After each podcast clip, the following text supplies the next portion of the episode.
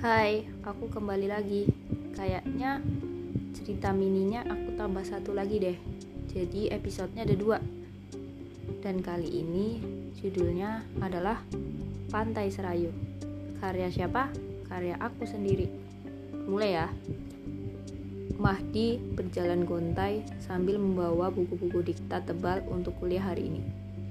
Dirinya merasakan seperti separuh nyawanya hilang karena stres berkepanjangan.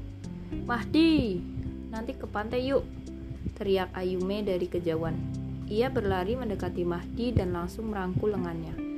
Ayume ini adalah gadis ceria, cinta pertama Mahdi sebelum merajut kisah kasih bersama mantannya dulu. Pantai mana dah, siang bolong begini? Emang tugas kuliahmu udah kelar? Tanya Mahdi bernada malas. Ia ingin terbang ke langit ketujuh, menghindar dari dunia fana ini, melupakan semua kenangan tentang mantannya. Ayume berdeham. Hmm, pantai Serayu lah, di sana kan indah gitu. Mendengar itu, bukannya senang, Mahdi langsung sebal. Kenapa hanya pantai itu di kotanya? Pertanyaan yang berkecamuk di kepala Mahdi.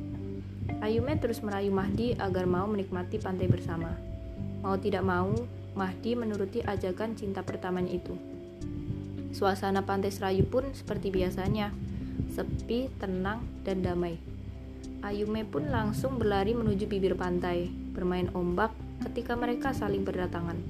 Sedangkan si Mahdi hanya diam sembari menghela napas. Mahdi, jangan diam saja, ayo ke sini. Tidak mau, aku takut ada ubur-ubur.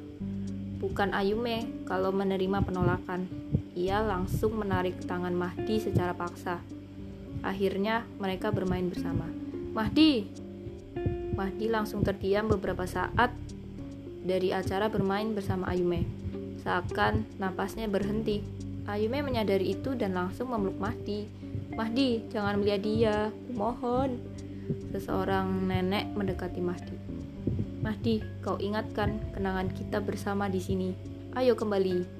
Dalam bayangan Mahdi, dia adalah seorang gadis yang cantik dan rupawan Inilah akibat pengaruh pelet luar biasa, menjadikan semua yang mustahil menjadi nyata.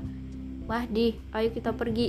Mayude, eh, eh Ayume menarik Mahdi untuk pergi dari pantai. Hahaha, kau tak akan bisa melupakan aku, Mahdi. Nenek tadi tertawa kencang, sekencang suara deburan ombak yang menghantam bebatuan karang.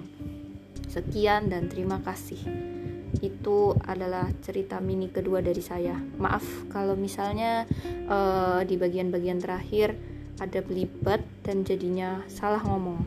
Oke, okay? uh, eh, kita lanjut besok ya. Bye bye.